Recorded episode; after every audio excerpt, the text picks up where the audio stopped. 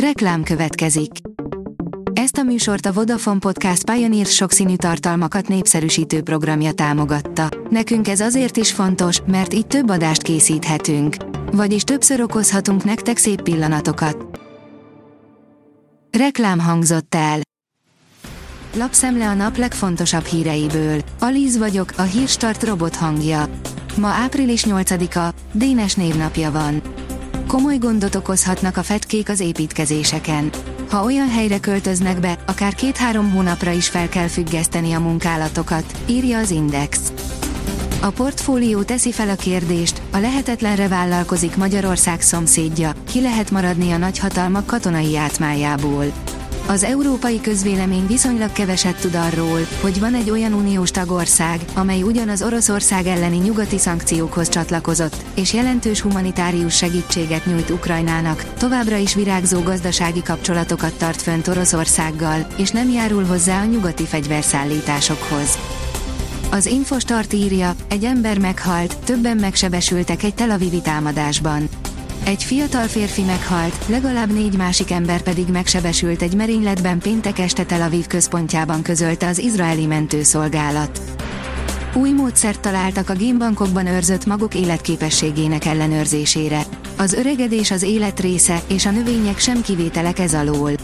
Egy növény életciklusának változását azok a génbankok is megérzik, melyek magokat tárolnak.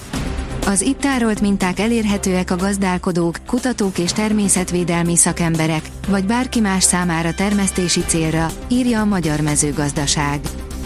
A napi.hu szerint ebben az országban másfél millió lakos él bezárkózva a járványidőszak kezdete óta. Japánban csak nem másfél millióan élnek magányosan, a külvilágtól elzárva, a japánul hikikomorinak nevezett emberek körülbelül 20%-a a világjárvány után zárkózott be, és azóta is ragaszkodnak a pandémia idején megszokott életükhöz. A startlap utazás írja, 1 millió egy éjszakáért. Magyarország legdrágább szállásainak jártunk utána.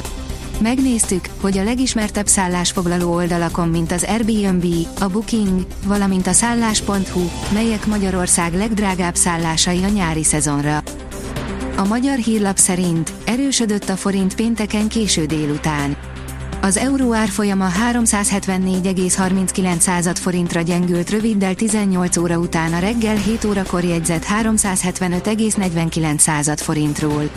Az euró jegyzése pénteken 373,75 forint és 376,35 forint között mozgott. Mintha a gyerekem adnám oda veterán, Fiat Ritmo Abarth 125 TC. Az elképesztően jó két literes Lembredi motorral a csupán egy évig gyártott Ritmo Abarth 125 TC egy alig létező csodagép, amit csak szeretni lehet, írja a Total Car. Gépek precíz, nagy sebességű vetéshez, szőlőműveléshez, gyümölcstermesztéshez. A legelső Divelon kompakt gumihevederes rakodógép, a világ első üzemanyagcellás szőlőművelő robotja, izgalmas mezőgazdasági árverések az agroinform.hu heti gépészeti híreinek összefoglalójában, írja az Agroinform. Az Eurosport szerint kiesett az első kiemelt Marrakesben.